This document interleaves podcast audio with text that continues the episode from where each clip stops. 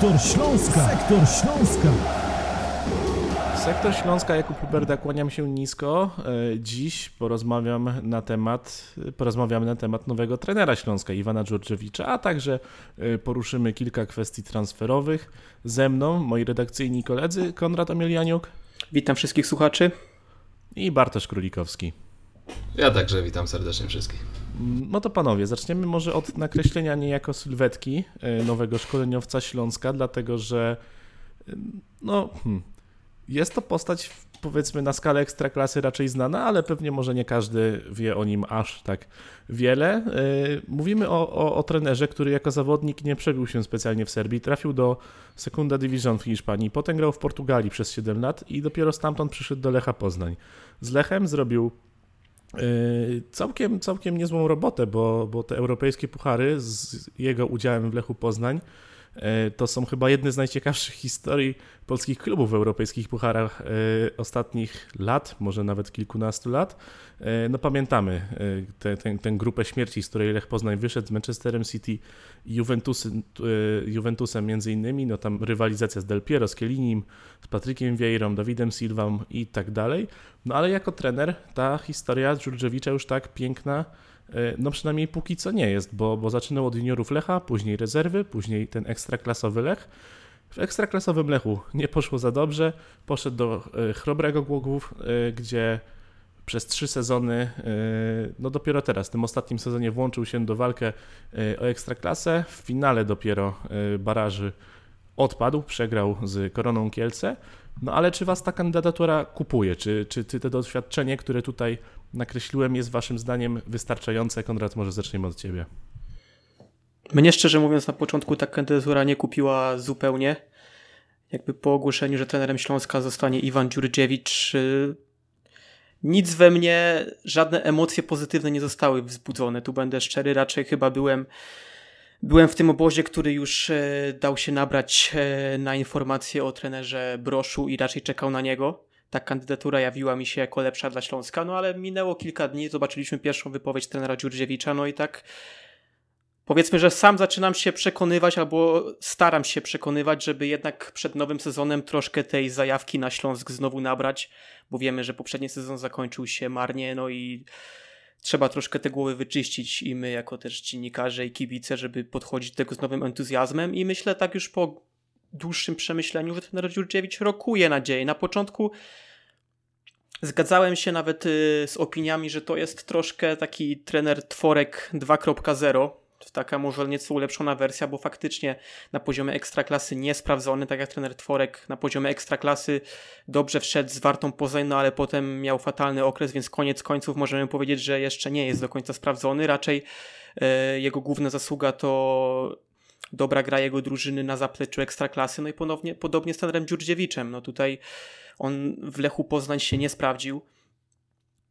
Za to zrobił dobrą robotę w Chrobrym Głogów, gdzie pokazał, że jeżeli otrzyma projekt długofalowy, to jest w stanie zrobić fajne rzeczy, więc myślę, że nie jest to kandydatura porównywalna do trenera Tworka, gdyż, trener, gdyż Dziurdziewicz widział więcej i jako piłkarz i nie będzie przestraszony takim klubem jak Śląsk Wrocław, gdyż no, zbierał szlify w Lechu Poznań i wie jak działa duża, e, duża struktura piłkarska.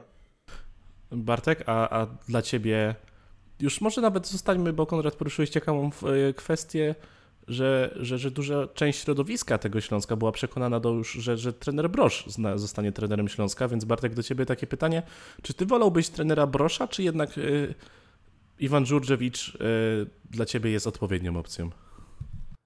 Znaczy, trener Brosz na pewno byłby bezpieczniejszą opcją, bo to jest człowiek już z, dość, z dużo większym doświadczeniem na poziomie ekstraklasy, którego osobiście byłem bardzo dużym może fanem to za dużo słowo, ale byłem jakby bardzo podobało mi się to, co robił w Górniku Zabrze, gdzie tam tak naprawdę te wyniki jakieś takie w miarę dobre, czasami lepsze, czasami gorsze były, no ale wiemy jak, w, jak w Górniku było, że tam praktycznie mu co roku e, wszystkich najważniejszych piłkarzy zabierali, a on mimo to mimo to sobie radził, dopiero już pod koniec nie było tak dobrze, kiedy, kiedy sam projekt zaczął się wypalać, więc na pewno pod kątem takiego może jakiego zaufania też społecznego, takiego bardziej przekonania już co do jego obecnych możliwości i być może, do, i nie być może, tylko doświadczenia, które w pewnym sensie Śląskowi też jest teraz potrzebne. Na pewno trener Broż byłby e, kandydaturą lepszą na ten moment e, i na tą chwilę. Tylko, że to też absolutnie nie ujmuje nic, nic e, trenerowi Dziurdziewiczowi, dlatego że myślę, że jakby dużo osób wciąż jest do niego troszeczkę zrażonych na poziomie ekstraklasy tym, co było w, na podstawie tego, co było w Lechu Poznań. Przy czym no, w Lechu Poznań to był taki klasyczny przypadek rzucenia na zbyt głęboką wodę zdecydowanie zbyt szybko. Ja bym to tak porównał, oczywiście zachowując wszelkie proporcje co do tego, jakimi to byli piłkarzami, na jakim to poziomie, troszeczkę jak Andrea Pirlo w, w Juventusie. Tam też było po prostu za szybko i za dużo. No, piłkarz ok, zasłużony, ale gdzieś ten przeskok między piłkarzem a trenerem jest wciąż duży. Dlatego, dlatego nie jestem zrażony do kandydatury trenera Dziurdziewicza. Jestem za tym, żeby jak najbardziej dać mu szansę, ale wracając jeszcze do trenera Brosza, myślę, że ostatecznie dobrze też się stało, że, że Śląsk jakby porzucił już te, te przeciąganie liny z PZPN-em, dlatego że dalsze oczekiwanie nie działało na żadną, dobrze na, na żadną ze stron. Tak naprawdę Śląsk, nie mając trenera, miał też miał przede wszystkim związane ręce na, na rynku transferowym, no bo który piłkarz przyjdzie do klubu, w którym nie, no nie można powiedzieć, że trener go chce, bo nie ma trenera. Jak tre, nie ma trenera, nie ma wizji, nie ma nic, no to, to tutaj żaden piłkarz, taki powiedzmy szanujący się, no nie będzie zbytnio przychylnie nastawiony do tej kandydatury, dlatego, dlatego o ile mówię, trener Brosz może byłby trenerem lepszym teoretycznie dla Śląska na ten moment, tak na pewno cieszę się, że zostały już zakończone te, ta cała zabawa. Myślę, że po prostu w Śląsku ktoś się zorientował, że, że nie, że ten PZPN nie chce stracić po, po Czesławie Michniewiczu, po Jacku Magierze, po tej całej historii z Paulo Souzą, kolejnego trenera w taki sposób, że okej, okay, on tam chce gdzieś sobie iść, to my go puszczamy, no, no, no trzeba, no trzeba się też trochę szanować i myślę, że myślę, że to, to takie szarpanie to trwałoby jeszcze długo i a im dłużej by trwało, tym też, też y, każdy trener, który by przyszedł do Śląska miałby trudniejsze zadanie, bo to, to im mniej czasu, tym, tym trudniejsze zadanie, więc, więc, więc yy, też by były trudniejsze negocjacje z kimś ewentualnie za. Zresztą miałem w pewnym momencie takie wrażenie, że oni byli na tyle zafiksowani na punkcie tego trenera Brosza, że tak, musi być trener Brosz i my nie chcemy nikogo innego. Trochę zaczynałem się obawiać, że zabraknie im w pewnym momencie tego planu B, że, że jednak okaże się, że trener Brosz jednak nie i co wtedy? I takie będzie, e, aha, okej, okay, no to fajnie, to ciekawe co my teraz zrobimy, więc, więc cieszę się, że to się już, już zakończyło. Czyli tak można porównać, e, że przyjście Iwana Dżurdziewicza do Śląska to tak jakby Andrea Pirlo objął w tej chwili e, Udinezek, tak? Dobrze zrozumiałem? Wiesz co, myślę, że tak, tylko że yy, też nie jestem do końca przekonany, co Andrea Pirlo teraz robi, tylko że yy, chciałem to porównać na takiej zasadzie, że po prostu Andrea Pirlo objął Juventus tak już krótko po... On tam też pracował w młodzieżówkach, tak jak trener Dziurdziewicz, ale mimo wszystko nie miał tego doświadczenia na, na, na, w, seniorskim futbolu. Natomiast y, różnica jest taka, że trener Dziurdziewicz teraz już takie doświadczenie ma, ma w chrobrym Głogów i można to w pewnym sensie porównać, ale też tak nie do końca, bo jednak tego doświadczenia gdzieś tu teraz jest troszkę, troszkę więcej. Dostał długofalowy projekt, który ostatecznie, e, który ostatecznie można jednak zaliczyć do udanych, chociażby z uwagi na ten ostatni sezon e, z Chrobrym, więc, więc, więc e, powiedzmy, lepiej bym oceniał teraz zatrudnienie przez Śląsk Wrocław Iwana Dziurdziewicza niż przez Udinezę Andrea Pirlo. No to akurat tak mi wyszło takie porównanie. Dobra. E, na swoich, e, co prawda konferencji prasowej jeszcze nie mieliśmy z Iwanem Dziurdziewiczem, ale on zdążył wypowiedzieć się dla klubowych mediów. Tam padły e, takie słowa jestem tu po to, aby zbudować wojsko, a także bardzo często gdzieś tam pojawiał się w słowach Serba taki motyw, że on chce obudzić giganta, takie porównanie Śląska do, do śpiącego giganta, do śpiącego klubu, w którym trzeba wszystkich rozbudzać od początku. E, generalnie ta, ta ten zlepek wypowiedzi, ta, ta, ta rozmowa z klubowymi mediami, mam wrażenie, że o ile na początku trener Dżurdżewicz nie specjalnie kupił dużą część wrocławskich kibiców, tak ten materiał pomógł mu dosyć mocno. E, jak Wam generalnie podobała się ta rozmowa? Czy, czy, czy było coś, co zapadło Wam specjalnie w pamięć?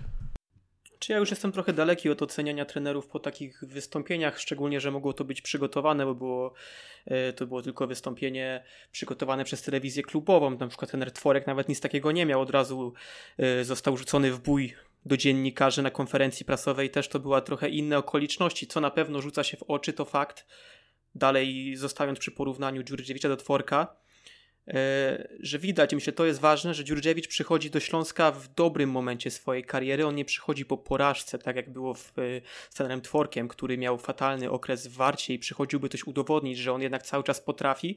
Trener Dziurdziewicz jest na fali. On teraz odnotował bardzo dobry wynik z Chrobrym Głogów. No te baraże, które śledziliśmy, yy, przegrane przegrane w sumie dopiero po dogrywce, gdzie tak naprawdę jego drużyna była skazywana na pożarcie, bo jeżeli chodzi o kadrę, no to to nie był materiał wcale na walkę o awans. On tam zrobił wynik ponad stan i teraz przychodzi do Śląska z tym entuzjazmem, będąc na fali i to też widać w tych wypowiedziach, bo to faktycznie to fajnie brzmi z tym budzeniem giganta, z tym, że Śląsk wielki klub to zawsze nieco łechta nasze ego, no ale trzeba mieć też do tego dystans, więc myślę, że tutaj wiele bym, wiele bym nie oceniał po samym tym wystąpieniu, bardziej doceniałbym fakt, że przychodzi do nas trener, który jest w dobrym momencie swojej trenerskiej kariery, któremu idzie i który widać, na tym entuzjazmie może pociągnąć Śląsk Wrocław w dobrym kierunku. Ja odnoszę takie wrażenie, że gdy do klubu, do Śląska przychodził trener Tworek, to w wielu jego wypowiedziach, szczególnie na początku, y, dało się usłyszeć coś takiego, że, że dla niego przyjście do Śląska to jest wielka sprawa, że on po raz pierwszy znajduje się w takim miejscu, że, że on po raz pierwszy tak naprawdę styka się, gdzieś, gdzieś, gdzieś pracuje w tak dużym klubie i no z jednej strony fajnie było widzieć trenera, który ma do tego wszystkiego szacunek, który e, w jakiś sposób jest tym zajarany, który się z tego cieszy, no ale jednak, e, no jak ktoś taki ma porwać piłkarzy za sobą, prawda? I dlatego poruszam temat e, tych, tych wypowiedzi Iwana Dżurczewicza, bo ja takiego nadmiernego szacunku, oczywiście nie chcę tutaj powiedzieć, że Iwan Dżurdżewicz nie szanuje Śląska, nie o to mi chodzi. Chodzi mi o to, że u niego takiego strachu nie było widać. On jest bardzo pewny siebie, przynajmniej tak, takie wrażenie sprawiał. Y, jak ty to odbierasz, Bartek? Y, ja myślę, że to wynika właśnie z tego, że w przeciwieństwie do Piotra Tworka, Iwan Dziurdziewicz jakby już to zetknięcie z dużym klubem miał z Lechem Poznań, gdzie był trenerem e, najpierw, najpierw juniorów, a to też nie jest wbrew pozorom taka, taka prosta praca, bo wiemy jakie, jakie w Poznaniu jest parcie na akademię i zresztą jaka ta, jakie ta akademia też przynosi wyniki, więc to już jakby samo w sobie było dość, dość sporym wyzwaniem jak na początek, potem jeszcze tym bardziej kiedy został trenerem pierwszej drużyny, jak już mówiłem skończyło się to średnio, ale ale, ale, ale był i właśnie myślę, że to też pozwoliło mu tak otrzaskać się z tą presją na, na, na wyższym poziomie. I nie mówimy tu o trenerze, który, który przebijał się gdzieś, nie wiem, pracował najpierw w czwartej lidze w jakichś, nie wiem, Mamrach Giżycko z całym szacunkiem, e, potem gdzieś druga liga, pierwsza liga i wszedł do, wszedł do ekstraklasy, tylko no gdzieś już jako i jako piłkarz i potem jako trener już tak naprawdę od y, najmłodszych lat trenerskich, e, trenerskich y, z, tym wysokim poziomem E, był, więc, więc myślę, że też, e, też z tego to wynika. A może to też, e, też być po prostu różnica, różnica charakteru. Być może nawet gdyby trener Dziurdziewicz przeszedł podobną, bardziej podobną drogę do Piotra Tworka, to może też różnice w charakterze spowodowałyby, że to podejście byłoby inne. Różnice w charakterze widać też w podejściu do kibiców, dlatego że, że trener Dżurewicz, już na, na samym początku rzucił taki mocny statement, e, cytując, ten kto jest kibicem i ten kto jest za Śląskiem jest nim zawsze, w każdym momencie, a zwłaszcza teraz. Później, gdy już będzie dobrze, ludzi na stadion przyjdzie więcej, ale do nas liczyć się będą ci, którzy byli na samym początku. E, no to jest taki z jednej strony nie brzmi to jak zachęcenie do dochodzenia na mecze, prawda? A z drugiej strony, yy, tak paradoksalnie, może właśnie tym na stadion ściągnie, może tym kupi sobie yy, fanatyków WKS-u, ale też zwykłych kibiców, którzy, którzy gdzieś tutaj we Wrocławiu pomieszkują. Konrad, ciebie coś takiego by przekonało do przyjścia na stadion? No mam tutaj troszkę zgrzyt, bo myślę, że tych kibiców, o których Dziurdziewicz mówi, którzy są zawsze, to ich nie trzeba przekonywać. I jeżeli trzeba do kogoś e, wystosowywać statementy, jak to nazwałeś, to raczej są to właśnie ci kibice niedzielni, których trzeba przekonywać, a oni taką wypowiedzią raczej zostali odrzuceni troszkę na boczny tor. I jakkolwiek rozumiem cały koncept, który pasował do narracji o tym, że trzeba zbudować wojsko, że budzimy giganta i że ci najwierniejsi fani są najważniejsi, to jednak, tak jak mówię, ci najwierniejsi fani, oni są ze Śląskiem, niezależnie czy to będzie Dziurdziewicz, Tworek i co on powie na konferencji, oni przyjdą. A trener, myślę, że jeżeli już ma się skupiać na zachęcaniu kogokolwiek, no to jest rzesza fanów Śląska, których właśnie no stety, niestety trzeba zachęcać, którzy potrzebują produktu dobrego, żeby przyjść na stadion i liczę, że trener Dziurdziewicz taki produkt tutaj stworzy. Znaczy ja bym tutaj się troszeczkę, może nie, że nie zgodził, tylko że mam troszeczkę inne wrażenie dotyczące akurat tej wypowiedzi trenera Dziurdziewicza, bo mi się wydaje, że to nie jest takie bardziej może odstawienie tych takich, że tak powiem, niedzielnych kibiców na, na bok, tylko że, nie wiem, mi się osobiście takie, takie podejście podobało, bo to nie było takie jakieś sztuczne pudrowanie, że no, takie slogany, no, chodźmy wszyscy razem, kroczymy w jednym celu, Śląsk do przodu, i kurczę, idziemy, idziemy razem w wspólnym kierunku. Jak słyszę takie slogany, to szczerze powiedziawszy mi się nawet nie chce, nie chce tego czytać. Natomiast tutaj było takie troszkę wyłożenie kawy na ławę, że tak naprawdę mm, liczą się, najważniejsi są dla nas ci kibice, którzy są z nami zawsze i to nie było takie zarzucenie innym, że niektórym kibicom, że a wy jesteście tylko wynikowcami, tylko że właśnie jeżeli staniecie się takimi naszymi zagorzanymi kibicami, będziecie przychodzić, czy będzie dobrze, czy będzie źle, to tym bardziej będzie nas to, mu,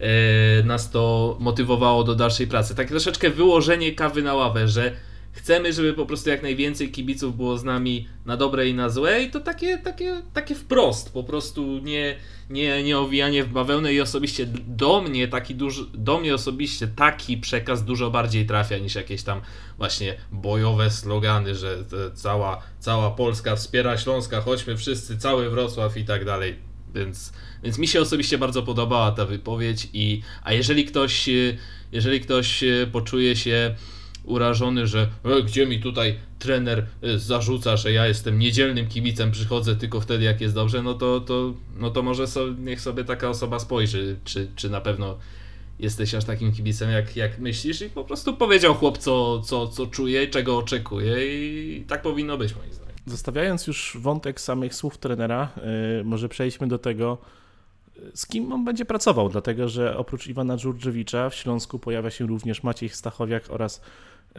Mariusz Bołdyn, a z takich ciekawych e, informacji to wraca również Marcin Dymkowski. Pamiętamy duet Piotra Jawnego i Marcina Dymkowskiego w rezerwach WKS-u. Oni ostatnio pracowali w Bielsko-Białej, e, gdzie, gdzie, gdzie w Podbeskidziu no niestety ta przygoda ich nie do końca się powiodła, chociaż przez długi czas było naprawdę bardzo dobrze. No ale wraca Marcin Dymkowski. Nie wiemy nic o tym, żeby miał wrócić Piotr Jawny i nie wiemy również, co będzie działo się z Krzysztofem Wołczkiem, bo on był w sztabie Piotra Tworka, a tutaj informacji, jakoby w sztabie y, pierwszej drużyny miał być, nie ma. Jak zapatrujecie się na takie zestawienie sztabu szkoleniowego? No z Krzysztofem Wołczkiem sprawa jest o tyle już dziwna, że tu już będzie któryś raz, gdy jest rzucany między tymi rezerwami. Czy teraz nie wiemy, czy wróci do rezerw. Jest to możliwe z tego, co nas dochodzą różne głosy ale to już, już za trenera Magiery miał taki y, epizod, że klub chyba bardziej właśnie to Śląsk chciał go trener, trenerowi Magierze, mówiąc y, brzydko, wcisnąć. Trener Magiera niekoniecznie go chciał w sztabie, więc potem to Wołczek wrócił do rezerw. Potem za trenera Tworka znowu Wołczek w pierwszej drużynie. Teraz znowu jednak nie, no i tak nie wiem też jak on się z tym odnajduje, bo troszkę jest przez swojego kolegę z boiska i też partnera biznesowego, jakby nie mówić, Dariusza Sztylkę, bo przecież panowie razem prowadzą Akademię Piłkarską, e, jest troszkę, troszkę rzucany tak z prawa na lewo. E, więc no to jest historia dziwna, też zobaczymy, gdzie skończy Krzysztof Wołczek. A co do, co do trenera Dymkowskiego, to na pewno, na pewno fajnie. Pamiętam też wasze Kuba opowieści, jak mieliście okazję w tym sezonie być w Bielsku, rozmawiać z trenerami po jednym z meczów z Podbeskidzia, że gdzieś tam nawet e, jeśli zagaić trenera Dymkowskiego czy Jawnego o pracę w Śląsku, im się od razu oczy świeciły i fajnie, że tacy ludzie dostają szansę, więc e, czy szkoda, że nie jest trenerem jawnym? Szczerze mówiąc, jak się dowiedziałem, że trener Dziurdziewicz będzie trenerem Śląska, no tak myślałem, że skoro już bierzemy trenera z pierwszej ligi, no to, to czemu nie ten jawny? No niby został zwolniony, ale tam pod Beskidzie grało fajną piłkę. To byłoby tutaj no więcej takich kontekstów, więcej nawiązania do, do śląskowej historii, do tożsamości Śląska, no bo obaj panowie są związani. No nie przyszli razem, może to jeszcze nie czas, może faktycznie Iwan Dziurdziewicz jest w tym momencie w lepszym momencie swojej kariery e, niż trener Jawny. Fajnie, że jest przynajmniej trener Dymkowski, bo to on ma... Mm, no ma Śląsk w swoim sercu, ale ma też, nie uciekając tylko w takie slogany, ma też sporą wiedzę, w rezerwach robił bardzo dobrą robotę. E, zawodnicy, którzy z nim współpracowali, również sobie to chwalili. Wiemy, że potrafi, on w tej dwójce był bardziej odpowiedzialny za defensywę, wie jak z tymi defensorami pracować, jak to wszystko poustawiać, więc taka nominacja jak najbardziej cieszy. Oprócz trenera Dymkowskiego e, jest tam też również Maciej Stachowiak i Mariusz Bołdyn. E, I tutaj też to jest o tyle ciekawe, że mówimy o między innymi trenerze bramkarzy, który miał już w swojej karierze do czynienia z, e, z, e, z Michałem Szrobnikiem, dlatego że do Chrobrego Głogów Mariusz Bołdyn wprowadzał właśnie Szrobnika. Wtedy pracowali razem przez jeden sezon. No i to też jest o tyle ciekawy wątek, że no zastanawialiśmy się trochę, czy jak ta pozycja bramkarza w Śląsku wyglądać będzie. W poprzednim podcaście Karol y, postawił, y, prowadził wówczas Karol Bugajski y, podcast i postawił taką tezę, że Śląsk bramkarzami już nie stoi. No i tymczasem przychodzi szkoleniowy, z który no wydawałoby się, że trener, który ściągał Szromnika do Chrobrego, to będzie chciał nim również, z nim również pracować tutaj w Śląsku. Także tego też jesteśmy całkiem ciekawi. No ale oprócz trenerów mamy też już pierwszy transfer w szeregach Śląska. Martin Kończkowski e, przyszedł do Wrocławia, e, prawy obrońca do tej pory występował w Piaście Gliwice, e, gdzie no pamiętamy, że były momenty, gdy wydawał się jednym z takich czołowych, jednym z najlepszych prawych obrońców w całej lidze, także jest to transfer chyba całkiem niezły, prawda Bartek? Mi się osobiście ten transfer bardzo podoba, zwłaszcza, że ja jestem osobiście takiego zdania, że, obe że w obecnej piłce nożnej boki obrony w wielu klubach pełnią rolę nawet ważniejszą niż, niż skrzydłowi. Gdzieś ci, którzy mają tych wyróżniających się bocznych obrońców, bardzo często e, potrafią, maj, mają dzięki temu znaczną przewagę nad, nad, nad resztą stawki. Tym bardziej cieszy mnie transfer Martina Kączkowskiego, bo to jest zawodnik, który poniżej pewnego poziomu nigdy nie schodzi. On zawsze trzyma się, on zawsze gdzieś tam się trzymał na takim solidnym, stabilnym ligowym poziomie, a też potrafił, wy, że tak powiem, wybić się ponad tą, e, tą solidność na, na poziom naprawdę e, bardzo dobry i oczywiście wszystko się zweryfikuje na, na boisku, już jakby nie, nie tak zapowiadające się na papierze transfery potem się okazywały nie do końca, nie do końca sprawdzone, ale tutaj myślę, że można mieć gdzieś taki spokój patrząc na, na, karier- na dotychczasową karierę Martina Kączkowskiego w Ekstraklasie, że, że tu jest naprawdę gdzieś duże prawdopodobieństwo tego, yy, tego, tego że, to, że to faktycznie wypali, bo nie mówimy tutaj o zawodniku, który no, gdzieś tam ma fajne papiery, bo przyszedł z zagranicy, ale w sumie to nie wiadomo, czy on się w Ekstraklasie sprawdzi, tylko już doświadczonego na tym poziomie a wszyscy wiemy jak wyglądały boki, e, no w sumie przez większość sezonu wahadła Śląska Wrocław. To, to jest też ważna, ważna sprawa, że Martin Kączkowski jak najbardziej jest zawodnikiem, który może grać zarówno jako klasyczny prawy obrońca, jak i jako, jako wahadłowy i na obu tych pozycjach dawać radę, więc, więc y, to, to jest taki transfer, który właściwie nawet myślę, że Śląsk nie musiał go jakoś szczególnie konsultować tutaj nawet, na pewno to robili, ale nawet nie musieli z trenerem, e, z trenerem Dziurdziewiciem, bo to była akurat bok obrony, oba, no lewy jest wciąż do wzmocnienia, ale prawy zresztą też, to były tak palące pozycje, palące potrzeby w Śląsku Wrocław, że, że, że myślę, że trener Dziurdziewicz spokojnie również z tego transferu jest bardzo zadowolony i będzie z Martina Kączkowskiego naprawdę spory, spory pożytek. Być może będzie to nawet najlepszy prawy obrońca, prawy wahadłowy, odkąd e, po prawej stronie w Śląsku biegał e, Piotr Celeban. Reszta jakby następnie. Tak, ale dlatego też ten transfer cieszy. Tak jak wspomniał Bartek, że w końcu uzupełniamy przed sezonem, jeszcze przed obozem przygotowawczym pozycje, na których uzupełnienia są konieczne, no bo jeżeli po zeszłym sezonie mielibyśmy dyskutować, gdzie w pierwszej kolejności trzeba wzmocnić tę drużynę, no to prawa obrona, czy tak w prawe wahadło byłoby na miejscu pierwszym albo drugim, no bo tam, jest, tam był tylko Patryk Janasik, a wiemy, że jego zdrowie yy, no, nie wzbudza zawsze zaufania. No, niestety jest zawodnikiem podatnym na kontuzję i nie możemy polegać tylko na Janasiku. Raz, że zdrowie, a dwa, że jego forma też często bywała daleka od optymalnej, więc e, fajnie, że w końcu ten e, Dariusz Sztylka ściąga trenerowi nowemu zawodnika przed obozem przygotowawczym na pozycję, która wzmocnienia potrzebuje, to raz, a dwa, że jesteśmy w stanie e, negocjacyjnie pokonać Piasta Gliwice, bo wiemy, że Piast na pewno chciał tego zawodnika zatrzymać, ale po prostu Śląsk przedstawił mu lepsze warunki, więc to też jest taki sygnał, że w tym Śląsku buduje się fajna drużyna i że jesteśmy w stanie nawet ściągnąć zawodnika z Piasta, który przecież skończył sezon na piątym miejscu, tam niemal do końca walczył o europejskie puchary. Śląsk prawie spadł z ligi, a mimo wszystko wyciąga zawodników tego pokroju. To znaczy, że też z tym Śląskiem cały czas trzeba się liczyć, że tam cały czas chcą coś zbudować. To tak yy, gwoli ścisłości rozumiem, że dla Patryka Janasika miejsca w składzie w przyszłym sezonie za bardzo nie prognozujecie. Nie no, niech rywalizują, o to chodzi właśnie, żeby była rywalizacja. Patryk Janasik do tej pory tej rywalizacji nie ma, bo pewnie też tylko na tym tracił. Więc myślę, znaczy na pewno na ten moment na tej pozycji numerem jeden będzie Kączkowski, numerem dwa Janasik, ale no tutaj wszystko jest kwestią otwartej rywalizacji. Mam nadzieję, że taka rywalizacja Janasika napędzi, bo mi się wydaje, że ten chłopak wciąż nie pokazał pełni swojego potencjału w Śląsku Wrocław.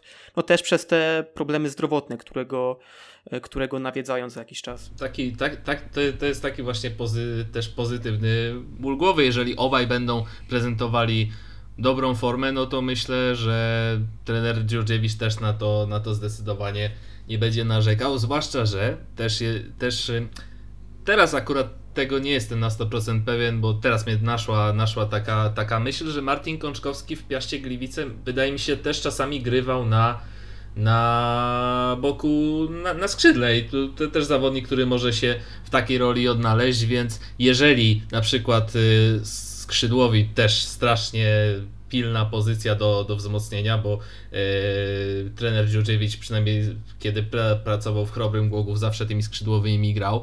Mm, nie wiadomo kogo Śląsk posprowadza na tą pozycję. Jeżeli nie sprawdzaliby się, to Kączkowski, Kączkowskiego równie dobrze widziałbym jako, e, jako skrzydłowego, więc, więc jeżeli będzie dobra forma, to, to można zmieścić ich obu, a jeżeli nie, to tak jak mówił Konrad, wzajemna rywalizacja piłkarzom może wyjść tylko na dobre. No jeszcze Janasik to przecież za tenera Lawiczki.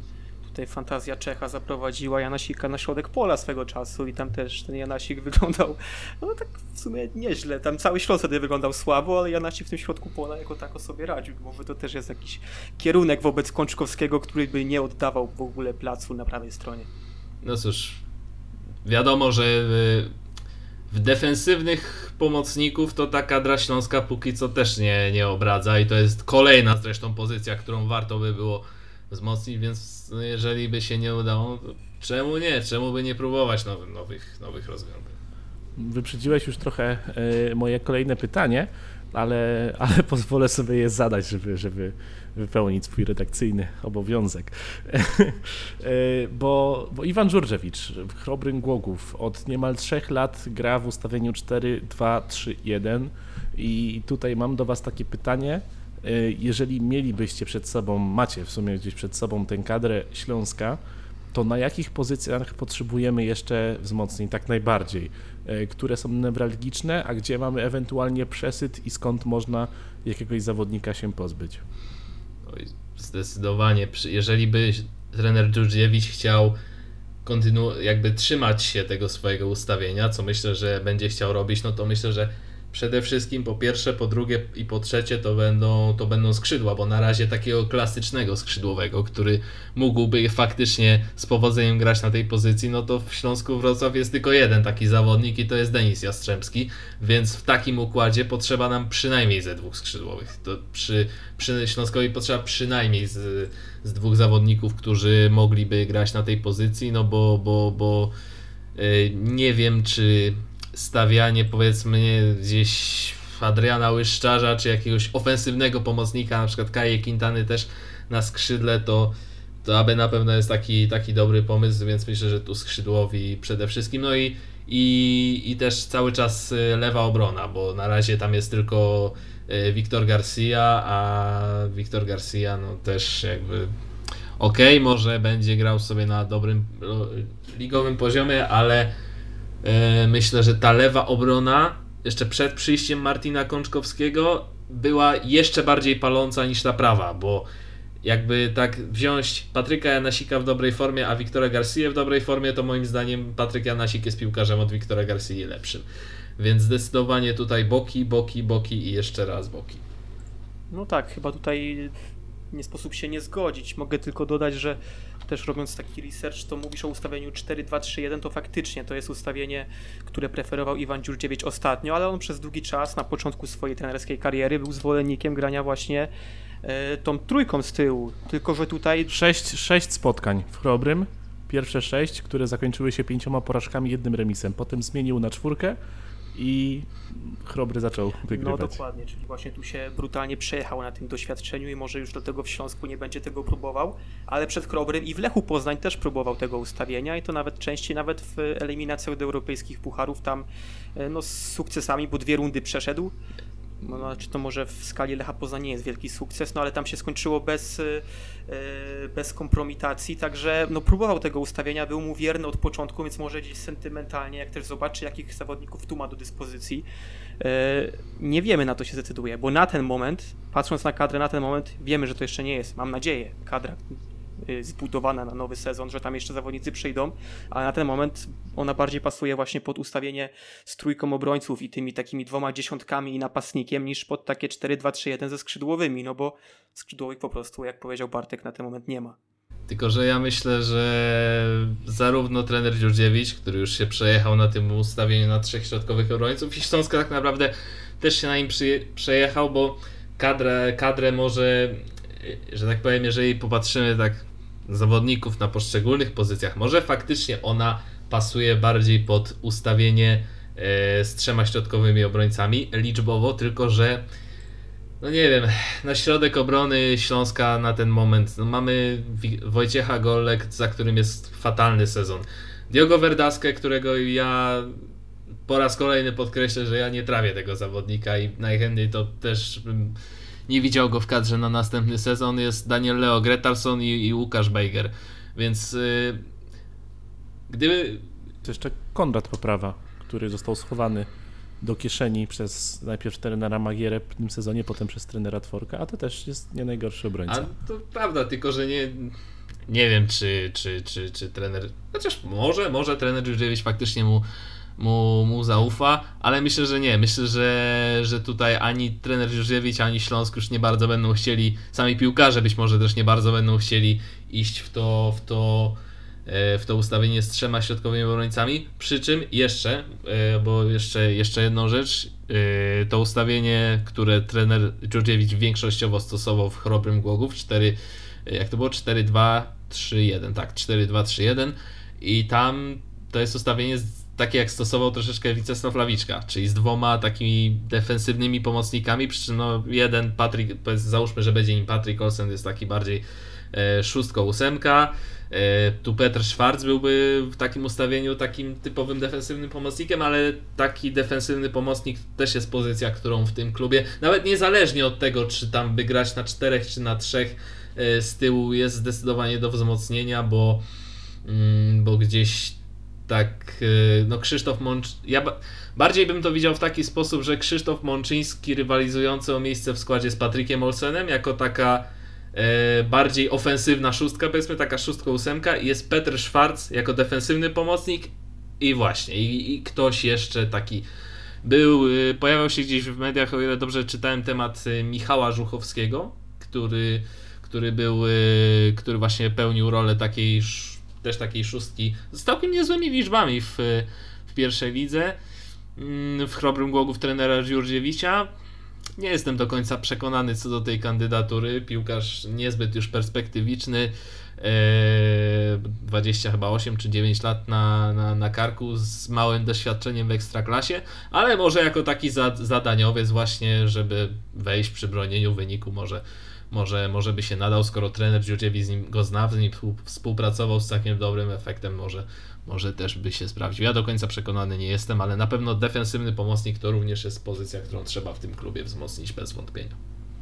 No jest to też pozycja, na którą chyba rzeczywiście klub planuje poczynić jakieś ruchy, bo oprócz, oprócz Michała Żuchowskiego e, gdzieś tam w, w, mediach pojawiła się plotka, jakoby Śląsk interesował się również Marko Poletanowiczem. E, także Oczywiście ja do Poleta Nanwicza nie jestem przekonany. Żuchowski to też nie jest idealne nazwisko, chyba idealna kandydatura, która powalałaby nas tutaj na kolana, ale jednak pewien wzorzec da się dostrzec, także chyba y, Dariusz Sztylka razem z ludźmi, którzy odpowiadają za transfery, gdzieś w tym kierunku wzmocnień będzie szukał. Mm, wracając jeszcze na chwilę do tego wątku, y, to, który, który poruszaliśmy przed chwilą, ja o tyle jestem w stanie i o tyle kupuję wersję Konrada z powrotem do trzech y, obrońców y, środkowych, y, że w sztabie znajduje się Marcin Dymkowski, który w tym samym ustawieniu grał z rezerwami. To samo ustawienie stosował w Podbeskidziu Bielsko-Biała i też dobrze zna chłopaków z rezerw, z jego ówczesnych rezerw, którzy teraz mogliby niejako pokryć część tych pozycji y, newralgicznych, o których mówiliśmy. Bo tak, na prawe wahadło moglibyśmy mieć Bartosza Borunia, y, na środek obrony moglibyśmy mieć właśnie Konrada Poprawę, defensywny pomocnik no wiem, że nie do końca lubiany może e, przez wszystkich kibiców, ale jednak jest Szymon Lewkot. E, jako dziesiątka mamy Adriana Łyszczarza, na lewą stronę również znaleźlibyśmy albo Łukasza Gerstensteina, chociaż to jest bardziej produkt już Krzysztofa Wołczka, ale był tam też wtedy Oliwier Wypart, było, było, było kilku zawodników. Także to jest takie coś, co można rozważyć, to jest taka nutka niepewności, na które ustawienie e, trener Dżurdżewicz się zdecyduje. Yy, nie wiem, czy troszkę nie, nie idealizujesz tych rezerw jednak w tym momencie, no bo z nazwisk, które wymieniłeś, to według mnie tylko Konrad Poprawa faktycznie yy, jest kimś, kto może realnie zaistnieć od razu w ekstraklasie od nowego sezonu. Powiem Ci, że z jednej strony tak, a z drugiej mam tutaj, wymieniając tych zawodników, mam trochę na myśli to, co powiedział trener Dżurdżewicz no we wspomnianym wcześniej materiale w klubowych mediach, gdzie on stwierdził, widzę tutaj duży potencjał zawodników pokroja, pokroju Szymona Lewkota czy Adriana Łyszczarza.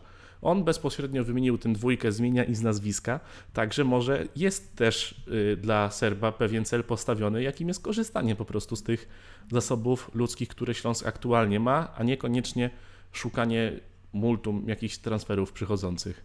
Mm, szczerze powiedziawszy... Mm ja jestem taki, ja mam stosunek taki do Szymona Lewkota, że ja go za dwa lata widzę w drugiej lidze co najwyżej i dla mnie to nie jest piłkarz. Nawet, nawet Ekstraklasy już, okej, okay, robił mu trener Magiera krzywdę, e, stawiając go na środek obrony, co do tego nie ma żadnych wątpliwości, ale to też nie jest piłkarz, który nawet grając jako, jako szóstka bardzo szczególnie mnie przekonywał, ale co do... No nie, ale mówisz teraz, ty mówisz, że Magiera robił mu krzywdę, ty robisz mu krzywdę mówiąc, że jest Max na drugą ligę, bo w drugiej lidze to on grał dwa lata temu i już wtedy się na tle tej drugiej ligi wyróżnia, więc on już pokazał, że jest w stanie grać wyżej. Tylko, że właśnie na pozycji numer 6, a nie na stoperze, więc ja tutaj, tutaj przerwę ci, bo myślę, że Lewko akurat faktycznie zrobiono mu krzywdę tymi występami na stoperze, ale ja wciąż liczę, że on troszkę odżyje za nowego trenera i dostanie szansę na pozycji numer 6, a jeśli faktycznie to nie jest piłkarz na ekstraklasę, no to no to niech będzie, liga, nie, bo... niech będzie pierwsza liga, no już, już, już niech będzie. no, dobrze. Ale do, ja mam nadzieję, że na ekstraklasę, że jeszcze, jeszcze pokaże.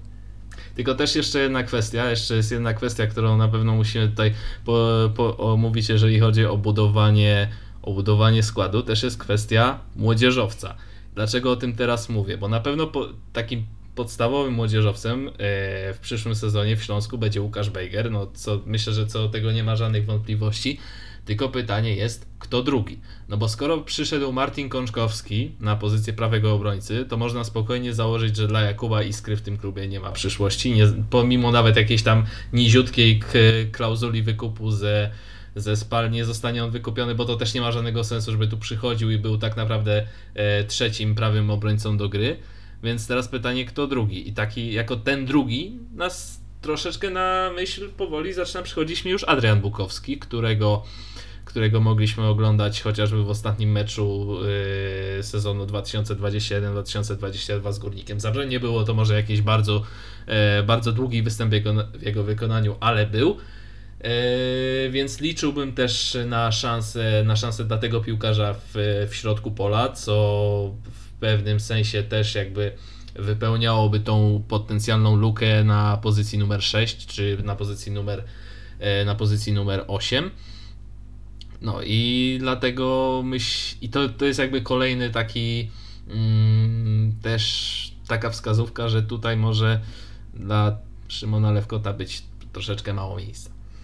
No to tak, może właśnie, żeby jeszcze tak zespoić pytanie Kuby y, z tą lekką dygresją, w którą uciekliśmy, bo właśnie mi też się wydaje, że mówienie na konferencji o Lewkocie i Łyszczarzu przez nowego trenera raczej było taką zagrywką PR-ową, którą chyba nawet ktoś mu podszeptywał może przed tym, przed tą wypowiedzią, bo słychać było w wypowiedziach kibiców z Wrocławia, że troszkę ich boli to, że nie grają ci chłopaki z Wrocławia. Najbliżej składu był w tym momencie Łyszczarz i Lewkot, ale to wciąż i mi by się bardziej spodobało, jakby trener Dziurdziewicz wymienił właśnie nazwisko jakiegoś zawodnika, który wciąż jest młodzieżowcem, chociażby jak Michalski, Bukowski wspomniany, e, czy bardzo dobre na mnie wrażenie zrobił w minionej rundzie w rezerwach Gerstenstein, który według mnie też już jest materiałem na zawodnika, który powinien zacząć przygotowania do nowego sezonu z pierwszą drużyną i może on załata tą naszą lukę na lewej stronie obrony czy na wahadle. E, więc bardziej szedłem w tym kierunku. Lewkot, Łyszczarz, ok, oni troszkę cały czas mają coś do udowodnienia, mam nadzieję, że dostaną swoje minuty, ale też nie traktujmy ich już jako młodych zawodników, bo to jest rocznik 9-9, to są już ukształtowani piłkarze, jeżeli chodzi o standardy zachodnie i oni nigdzie indziej nie byliby traktowani jako młodzi perspektywiczni, o których nowy trener e, wspomina na konferencji, żeby żeby zadowolić kibiców. Tak, tylko że, że my tutaj, e, przynajmniej ja, wymieniając ich i Konrada Poprawę, nie miałem na myśli jako, że to są młodzi zawodnicy, grajmy nimi, tylko należy przypomnieć, że to w ogóle są zawodnicy, no bo oni odstawieni trochę w niepamięć, no szczególnie Konrad Poprawa, który podpisał nowy kontrakt, miał iść do Legii, podpisał kontrakt i w sumie przestał grać w Śląsku. E, Szymon Lewkot schowany w pewnym momencie do, do szafy, no Adrian Łyszczarz to już w ogóle chyba największa zagadka minionej rundy, że zawodnik, który tyle dał wchodząc z ławki, dostał tak mało minut jednocześnie. E, także no ja mam wrażenie, że po prostu niektórzy zapomnieli w Śląsku, że w ogóle istnieją tacy zawodnicy, dlatego warto o tym przypomnieć. Ale już kończąc ten wątek, e, e, już tak generalnie też kończąc nasze, nasze dzisiejsze, dzisiejsze rozważania, chciałbym poruszyć jeszcze, jeszcze ostatni temat bo pojawiła się również informacja niedawno w mediach, że Fabianem Piaseckim interesuje się Raków Częstochowa i tutaj e, jakby aspekty tego tematu są dwa, bo z jednej strony czy to byłby dobry ruch dla Fabiana waszym zdaniem, czy to jest kierunek, e, który, no skoro zawodnik taki nie dał sobie rady w Śląsku, no to nie wiem, czy w Rakowie na przykład Piasecki miałby sobie radę nagle dać, a, a z drugiej strony, czy E, czy to jest też transfer dobry dla Śląska, bo pozbylibyśmy się drugiego napastnika, zostalibyśmy tylko z Erikiem Exposito, no i ewentualnie Sebastianem Bergierem i Mariuszem i Dzikiem z rezerw. Także to chyba nie jest zbyt optymistyczna perspektywa. Nie no, co do Fabiana Piastowskiego, no to niech idzie. Jak tylko ma taką tylko ma taką ofertę, Śląsk jeszcze może na tym zarobić, no to myślę, że no widzieliśmy wszyscy ten ostatni mecz na stadionie Wrocław w minionym sezonie i było to przykre co tam się działo. Sama postawa Fabiana na boisku w ostatnich meczach, to, że kibice otwarcie każą mu się oddalić ze Śląska Wrocław, e, no to, to nie jest układ, który z którejkolwiek ze stron może dać jeszcze coś dobrego, więc jeśli jest opcja, żeby na tym Fabianie Piaseckim zarobić, to myślę, że jak najbardziej trzeba z tego skorzystać i niech mu się wiedzie. Bardzo możliwe, że no to jest niestety taki kazus Śląska i zawodników, którzy tu się nie sprawdzili, potem idą gdzieś, gdzieś dalej i się okazuje, że, że jest super i wcale możliwe, że właśnie nawiązując do tego nagle Fabian Piasecki w Rakowie, który tak jak wspomniałeś, no jest szczebel wyżej w tym momencie niż Śląsk, da sobie radę i nawet może pomoże im tam w europejskich pucharach. Jest to możliwe, ale tak, na pewno Śląsk wtedy potrzebowałby wzmocnienia na pozycji napastnika, no bo Bergier i Idzik na ekstraklasę nie. Będzie Exposito, na Quintana to wiemy, że jest traktowany bardziej już jako ofensywny pomocnik, aniżeli napastnik. Znaczy ten cały ten jakby cała ta przygoda przez ostatni rok z Fabiana Piaseckiego ze, ze, ze, ze Śląskiem Wrocław to jest taki powiedzmy E, porównajmy taki toksyczny związek, który dla obu stron będzie już najlepiej, żeby to definitywnie zakończyć, bo atmosfera już nie, nie, nie ta. Ostatni sezon wynikowo też, pomimo iż parę ważnych, kilka ważnych bramek strzelił Fabian Piasecki dla Śląska w Płocku czy w Gliwicach chociażby, e, no to mimo wszystko nie, nie był taki, jakie obie strony by tego chciały. Do tego to cała saga transferowa z, z, ze Stalą Mielec, do której Fabian chciał wrócić, ale Śląsk mu nie pozwolił i potem to też było takie troszeczkę rzucanie tym piłkarzem. Natomiast co do przejścia do Rakowa, to jest dokładnie taki profil napastnika, jaki, jaki Raków tak naprawdę ciągle w ostatnich latach bierze, czyli napastnik, który ogólnie w Ekstraklasie dotychczas strzelał albo mało, albo średnio, albo w ogóle, jak na przykład Jakub Arak. Yy, i, no nie wiem, jeżeli, jeżeli pasują tam do wizji trenera Marka Papszuna Sebastian Musiolik, czy Jakub Arak, czy nawet Ladislas Gutkowskis, to, to może pasować tam również i, i, i, i Fabian Piasecki.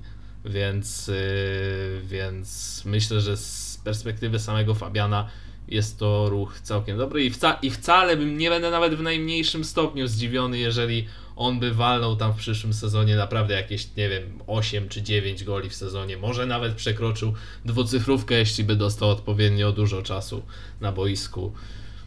Nie wiem, myślę, że myślę, że mogłoby tak być. No, w kontekście Fabiana Piaseckiego i Rakowa mówiło się też o całkiem sporych pieniądzach, bo e, gdzieś taką kwotę widziałem 800-900 tysięcy, to, to niezłe, niezła suma. Przydałaby się chyba Śląskowi e, nawet w kontekście przyszłych wzmocnień. E, no ale e, my już spekulować więcej nie będziemy. My będziemy się powoli żegnać. Was jeszcze pod koniec, oczywiście, drodzy słuchacze, zachęcam do zostawienia jakiejś łapki, komentarza, subskrybowania naszego kanału a także odwiedzajcie stronę naszego partnera LVBet. Dziś moimi gośćmi byli Konrad Omilianiuk. Dziękuję. I Bartosz Królikowski. Dziękuję bardzo. Prowadził to wszystko dla Was Jakub Luberda. E, no i słyszymy się, podejrzewam, że już całkiem niedługo. Hej Śląsk! To jest Sektor Śląska. Sektor Śląska.